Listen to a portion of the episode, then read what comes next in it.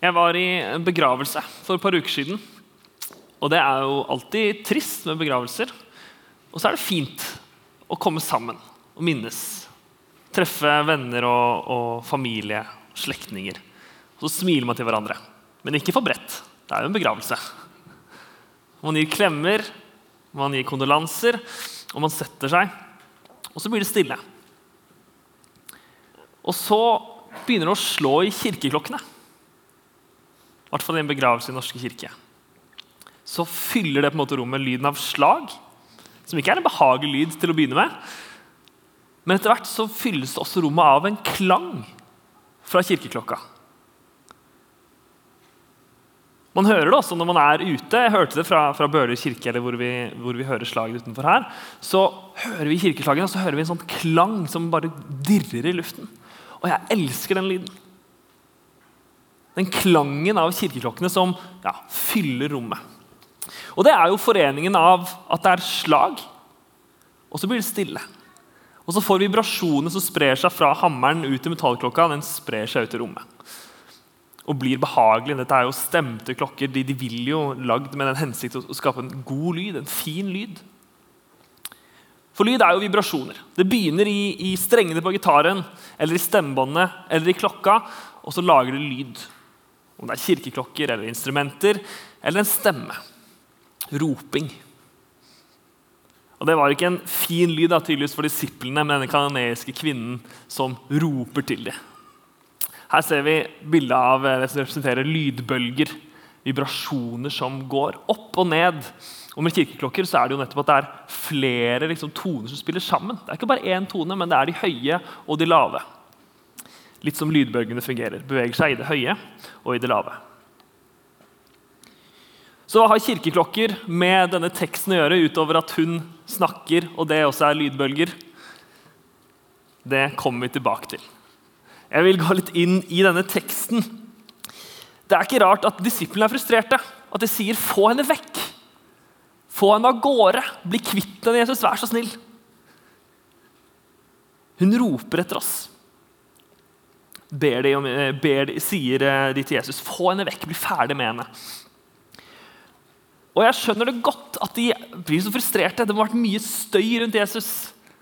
Og Når vi leser den samme fortellingen i Markusevangeliet, så ser vi at når de drar til Tyros og Sydan-området, så er det for å trekke seg vekk. Det står at Jesus i Markus 7 at han ville at tok han inn i et hus, og ønsket ikke at noen skulle få vite det.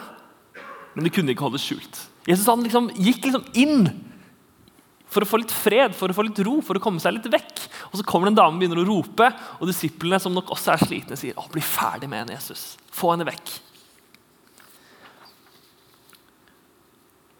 Jesus han går jo helt inn fra arbeid til, til hvile. Han står for store folkemengder og underviser. Og så må han trekke seg tilbake, opp på fjellet står det ofte, for å be. Så underviser han til store folkemengder, og så går han er liksom utadretta. Og så går han inn til disiplene sine og forklarer de spesifikt. Det er mye liksom, variasjon i Jesus sitt arbeid. Og her, når han kanskje trengte litt hvile, så kommer en dame og begynner å trenge seg på. Han ropes etter, han bønnfalles. Det er en desperat mor. Hun gjør det jo med rette. Har du en datter som er plaget av sykdom eller en ond ånd, som det står om her, så vil du jo rope. Det er jo rett det hun gjør. Hun ønsker frelse for sin datter. Og så sier Jesus det som kanskje overrasker oss i teksten. Jeg er ikke sendt til andre enn de bortkomne sauene i Israels hus. Dette er en kanoneisk kvinne, som ikke er av jødisk herkomst. Og For Jesus ser dette ut til å være en grunn til ikke å hjelpe. Stritter dette litt imot ditt bilde av Jesus? Det håper jeg. Sitter de mot mitt bilde av Jesus. Er Jesus rasist? Er det det som skjer i denne teksten? Jesus han er Det er ikke feil at Jesus er etnosentrisk, litt sånn fancy ord, for å si at han bryr seg om en, særlig om en folkegruppe. Jesus var jøde, er jøde. Han er den jødiske Messias. Han kommer jo fra dette folket til dette folket. Og hans virke det er jo i Israel, i Judea, til dette folket.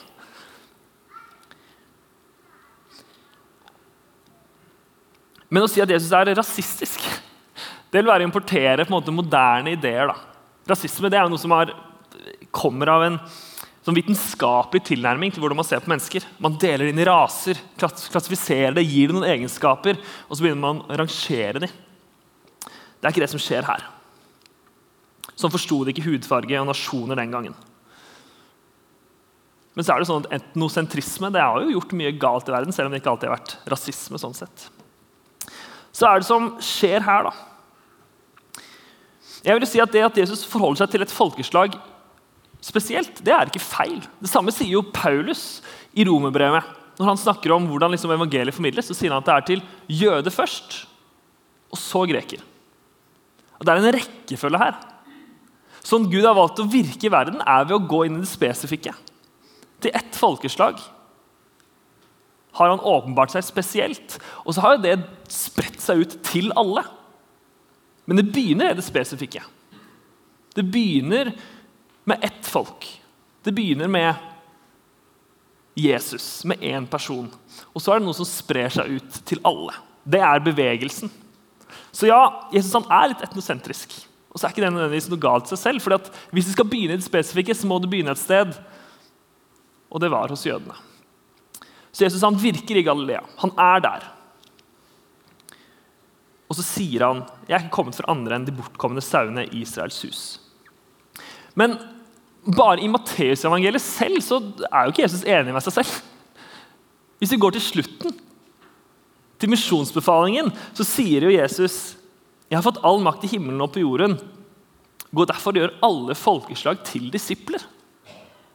Jesus han er ikke bare retta mot Israels bortkomne sauer. Det er alle folkeslag.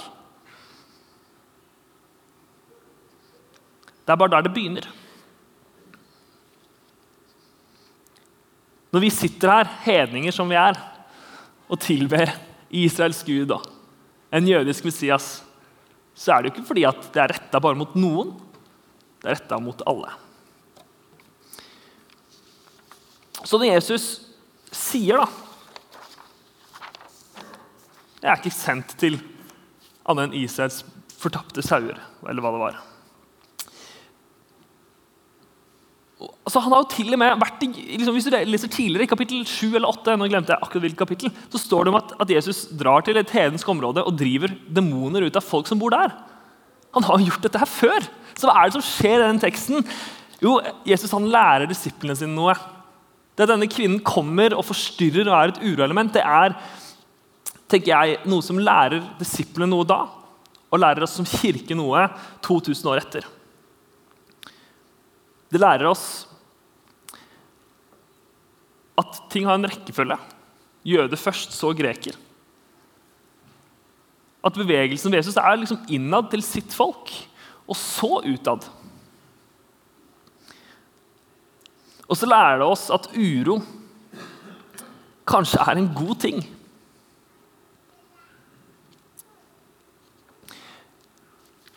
Når vi leser den teksten, så går det an å kanskje tenke at Kvinnen overbeviser Jesus. Han sier det er ikke rett at, at hunden får brød, som, får brød, og så sier hun ja, men de kan jo spise smulene. Det virker som om han blir overbevist. Han sier din, din, din tro er stor. Jeg tenker at Det hadde ikke tenkt å være en diskusjon for at han skulle se at kvinnens tro er stor. Når hun sier 'Herre, du Davids sønn, har barmhjertighet med meg', det er jo uttrykk for hennes tro. Jesus så jo troen hennes allerede da. Jesus han trekker seg unna for fred og hvile. Energien og tiden til Jesus den blir brukt innover. Til disiplene, til jødene.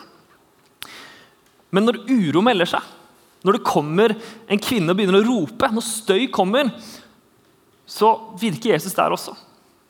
Han vender seg utover i møte med henne. Det er også en del av hans virke, at frelsen går til hver den som tror.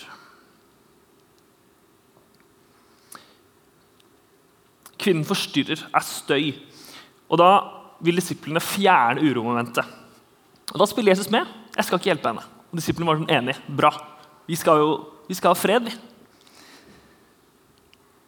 Når han så gir seg prat med kvinnen og tilsynelatende gir etter så hjel og hjelper hennes datter, det ble et sjokk for disiplene. Men vi skulle jo slappe av. Du, du, sa jo nettopp at du bare var sendt til oss, og så begynner du å hjelpe en kanadisk kvinne. Det er jo en lærepenge at, at fred og hvile og det å være innadretta ikke er det eneste rette. Men nå har jeg lyst til å bevege meg ut fra tekstens verden, litt inn i vår, og spørre hva er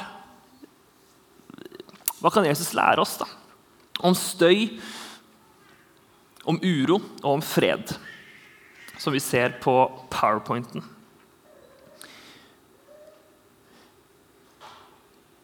Jeg tenker at Vi er alltid på et sånn spekter av om vi har mye fred i vår tilværelse eller mye uro i vår tilværelse. Litt som når vi nettopp Kristian, snakket om, om, psykisk helse. at vi er jo liksom Enten her borte har det bra eller der borte har det dårlig. Så kan vi være her borte og ha fred, eller her borte ha mye uro i livet vårt. Kjenne, Er vi landa? Har vi hvilepuls for vår hverdag? Har jeg det godt der jeg er med meg selv og med omverdenen? Der er vi alle på et spekter på fred, på uro. Det kan skifte fra dag til dag, det kan skifte fra år til år, fra minutt til minutt.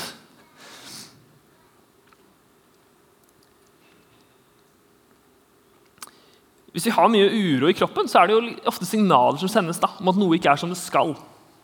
For meg kan det ofte begynne i magen. Den merker at ting er gærent før liksom hjertet og hodet gjør det kan gå rundt og ha et mageknipe, og så skjønner jeg ikke hva det er. Så er det å ja, jeg savner savner vennene mine. Nei, jeg har ikke fått slappa ordentlig av i det siste. Det begynner liksom i kroppen, og så sier den ifra.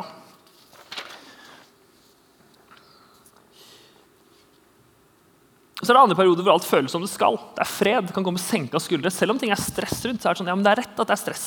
Det er godt. Jeg vet ikke hvor dere er på dette spekteret, men dere er et sted der. Dette er bare ett av spekterne vi befinner oss på. Et annet et, som også vi ser i teksten fra Jesus, det handler om hvor vi bruker vår tid og energi. Er det retta innad, eller er det retta utad? Bruker vi energien på det nære og det kjære, eller bruker vi den mye utover? Er det ute i tjeneste til liksom den større verden? Handler det om våre prosjekter, eller handler det om prosjekter som hjelper andre? Vi vil til hver tid befinne oss et sted på denne aksen. Og så tror jeg jo kanskje ofte i kirka så er vi veldig der at det er utadretta som er den rette greia. Og det er jeg enig i. Det er bra. Men er det galt å hvile?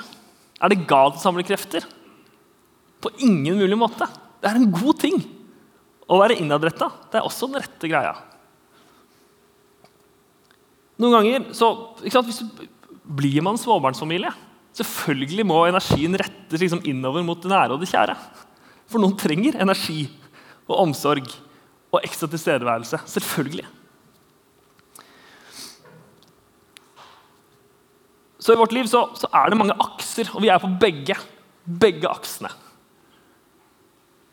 Og vi kan ha, Jeg kunne sette inn, sette inn mange flere akser. Hatt tredimensjonalt, firedimensjonalt dimensjonal, Jeg vet ikke hvordan fire dimensjoner ser ut på, på en tavle. Uh, men i livet vårt så, så befinner vi oss sant, på så mange spektre. Vi er på begge. Vi er på mange. Mange spektre. Og nå har jeg simplifisert livet vårt til bare to akser. Og du befinner deg et eller annet sted på begge de to aksene. Og da blir det sånn eh, stilig rutenett. Og da vil jeg si noe liksom, der hvor du er. Så jeg har delt liksom, inn i fire, fire grupper. Det er blå, hvor du har høy fred og bruker energi innad. Da har du fint der du er, med å bruke energi til det nære og det kjære.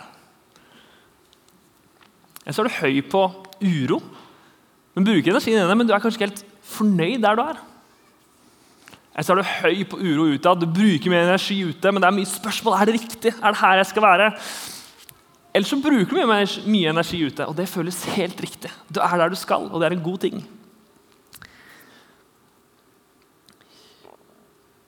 Og så tenker du kanskje at det beste ville vært å være i midten. liksom man skal, burde man ikke være midt i? Og der som tenker der har jeg lyst til å være, og, og der er jeg, så vil jeg si så kjedelig. Så, så, så, det er jo ikke noe gøy å være i midten. Og det er jo litt sånn kjipt å si misjonskirka. Mottoet vårt er 'midt i kirkelandskapet', eller hva det var. Nei, vi, vi liker jo det liksom å være ja, for eh, liberale for de konservative, for konservative for de liberale. Kose oss i midten. Men det er jo ikke der liksom Høyres politikk og, og Arbeiderpartiets politikk hvor de liksom overlapper, at det er spennende. Det er jo i de to prosentene i statsbudsjettet man er uenig om. Det er der debatten står. Det er der det er gøy. Ikke å være i midten er kjedelig. Jo, vi har jo snakka om liksom, den gylne middelvei, og dette er en vits som, er, som jeg syns er veldig artig.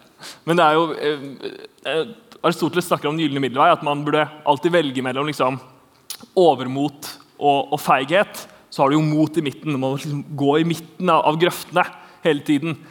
Og det vi aldri snakker om, er den gylne middelvei mellom å følge den gylne middelvei og ikke følge gylne.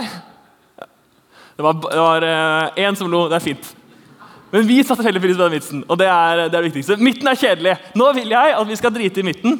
Det er ikke sånn at Jesus bare er, bare er i midten, og det er det eneste riktige.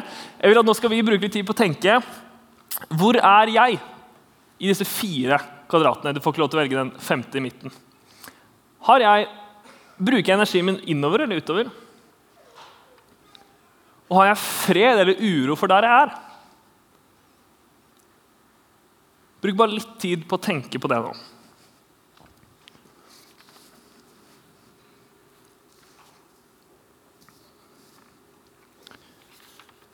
For det jeg vil gjøre nå, er at jeg vil gi et lite budskap til deg der hvor du er. Hvis du nå tenker at jeg er blå, så skal du da drite i de tre tingene jeg sier når jeg snakker til de røde, og de oransje og de, de grønne. Det er ofte sånn, og sånn, Jeg opplevde det at hvis jeg liksom En lærer som kan være frustrert over at det er tomt i klasserommet i første timen, sier nå må dere begynne å møte opp tidligere. Og så sier man det bare til de som har møtt opp. Ofte så sier man budskap, og så er det de som ikke trenger å høre det, som tar det til seg. Hvis jeg sier ja, det går liksom eh, dårlig med økonomien, vi må gi mer til kirka, så er det de som allerede liksom har gitt veldig mye, sånn, kjenner veldig på det. Noen ganger må man ta til seg budskapet til de det er ment til. Så nå har dere bestemt dere for en farge, ikke sant? Bra. Alle nikker. Jeg ser at alle nikker på podkast. Alle nikker inne i kirkesalen. Ja. Eh, så da vil jeg gi et budskap til dere som tenker dere er på fred, som er på blå. da. Fred, og dere bruker energien. At dere har landa i å bruke energi på det nære og det kjære. Så bra. Det er en god ting. At du har landa der. Det er jeg glad for.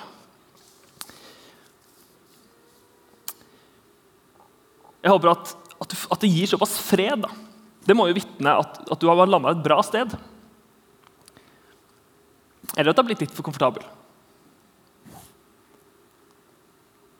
Kanskje det er noe energi som blir brukt annerledes. Kanskje du må løfte blikket.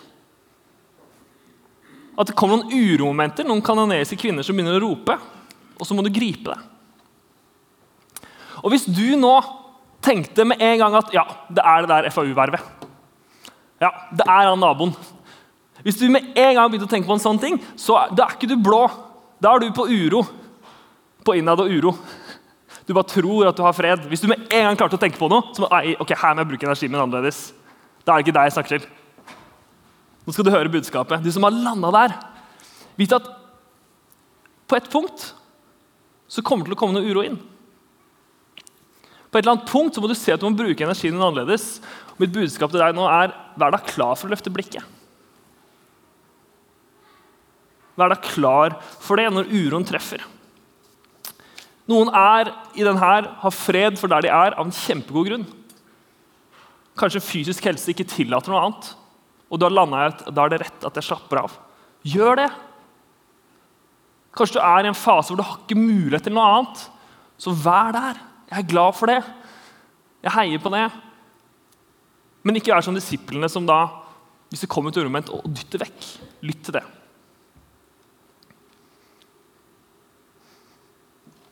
Til dere som er i den røde kvadraten, som bruker energien innover, men kjenner på en uro, så vil jeg si hvil i Herrens nåde. Stol på han. Gi han uroen. Si 'her kjenner jeg uro, Herre'. Lær av han. Lytt etter og søk visdom. Og kanskje gaven han gir da, når vi ber til han, er fred.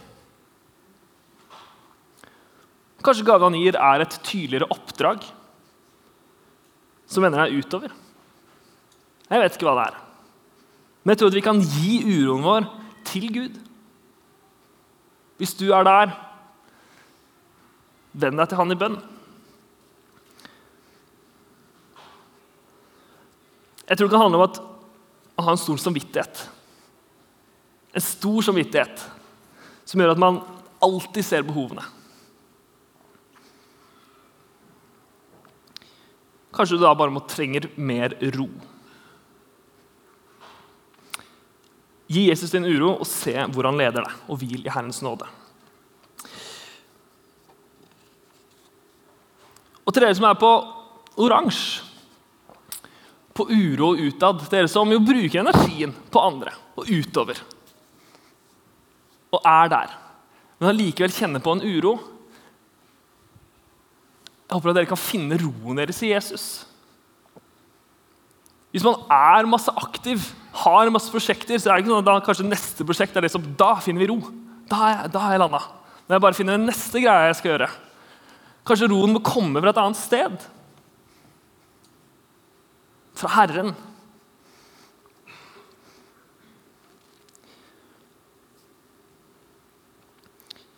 La Jesus være den som gir deg ro, ikke liksom de prosjektene man har.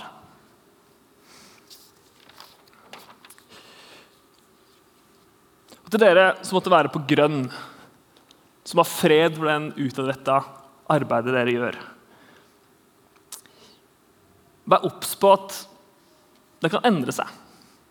Dette er et veldig godt sted å være. Å vite at man er der, og, og jeg tror ofte vi kan tenke at når jeg ser på denne kvadraten, her, så tenker jeg at det må jo liksom være idealet. Det er liksom min første tanke. Men så tenker jeg at der er man kanskje bare for en liten stund. Vær obs på at det endrer seg. At du er fornøyd med jobben du gjør. Er glad for effekten du ser. Kanskje det vil endre seg. Vær obs på det. Når det kommer et uromoment inn, eller når du trenger hvile fra den utadrettheten. Vær obs på det, vær klar for at ting endrer seg. Kanskje Jesus trekker deg tilbake, så du kan vokse, så du kan fordype deg. Vær klar over at dette kan endre seg. Så er det sånn at akkurat nå så er vi kanskje et eller annet sted på denne kvadraten. Og så er det sånn at det vil endre seg. Og litt av poenget mitt er at det er en god ting. Det er ikke sånn at bare en av disse her er den rette. Det er ikke sånn at Jesus bare er i en av disse. Jesus han er i midten, så vi må alle prøve å komme oss dit. Sånn er det i hvert fall ikke. Han er overalt i dette her. Gir oss fred eller gir oss uro. Trekker oss innover eller dytter oss utover. Alt dette her gjør Jesus, og alt sammen utgjør klangen. En kirkeklokke som slår, blir slått. Da er det uro, det er støy når den treffer. Og så hører vi klangen når freden senker seg. Når det ikke liksom slagene er det som fyller ørene våre.